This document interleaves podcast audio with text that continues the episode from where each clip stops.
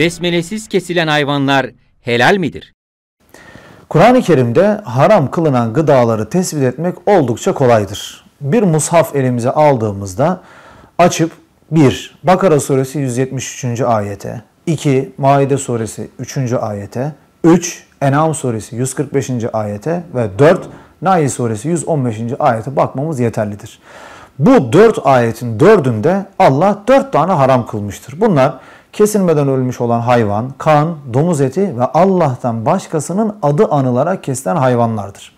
Bir beşinci haram zikredilmemektedir. Eğer besmelesiz kesilen hayvanlar haramdır şeklinde bir beşinci haram olsaydı bu dört ayetin herhangi birinde olması özellikle de son inen ayet Maide suresi 3. ayette yer alması gerekirdi. Peki besmelesiz kesimle ilgili mezheplerin ileri sürdüğü fikirlerin kaynağı nedir? Besmelesiz kesimle alakalı olarak Hanefi mezhebi başta olmak üzere Hanbeliler ve Malikiler Besmele'yi şart koşarlar ve dayanakları da En'am suresinin 121. ayetidir. Cenab-ı Hak orada ve la te'kulu mimma lem yuzker ismullahi aleyhi ve innehu lefisk buyuruyor. Bu besmeleyi şart koşan mezheplerin tercümesine göre ayet Allah'ın adı anılmayan şeyleri yemeyin çünkü bu bir fısktır şeklindedir. Ayeti böyle anladığınızda evet besmelesiz kesilen hayvanları yemeniz helal olmayacak. Fakat besmeleyi şart koşmayan Şafii mezhebi başta olmak üzere birçok alim de Şafii mezhebi mensupları başta olmak üzere birçok alim de bu ayetin Arap dili kuralları ve Kur'an bütünlüğü çerçevesinde Hanefilerce tercüme edildiği şekliyle asla tercüme edilmeyeceği kanaatindedirler.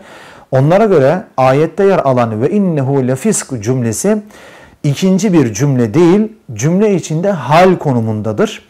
Dolayısıyla ayetin doğru çevirisi fasıklık yapıldığı için Allah'ın adı anılmamış olanları yemeyin. Dolayısıyla eylem fasıklık yapılma eylemidir. Fasıklık da kişiyi dinden çıkarma eylemi. Kişi ne yaptığında dinden çıkmış oluyor diye baktığımız zaman diyor İmam-ı Şafi aynı surenin 145. ayetine gidiyoruz ve 145. ayetinde fısk eylemi Allah'tan başkasının adına kurban kesmekle tefsir ediliyor.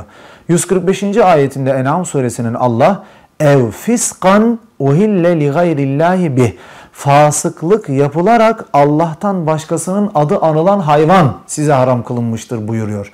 Dolayısıyla hem Kur'an bütünlüğü hem Arap dili açısından En'am suresi 121. ayet besmelesiz kesimden değil Allah'tan başkasının adının anılması eyleminden bahsedilmektedir. Yani birileri bir hayvan kesiyor, üzerine Allah'ın adını anmıyor çünkü Allah'tan başkasının adını anıyor. Bundan dolayı Allah'ın adını anmadığı için kendi yaptığı eylem fasıklık oluyor. Bu eylem dinden çıkma eylemi olarak tasvir ediliyor ve bu şekilde kesilen hayvanın eti de haram kabul ediliyor. Yoksa mutlak manada besmelesiz kesimden falan Allah bahsetmiyor.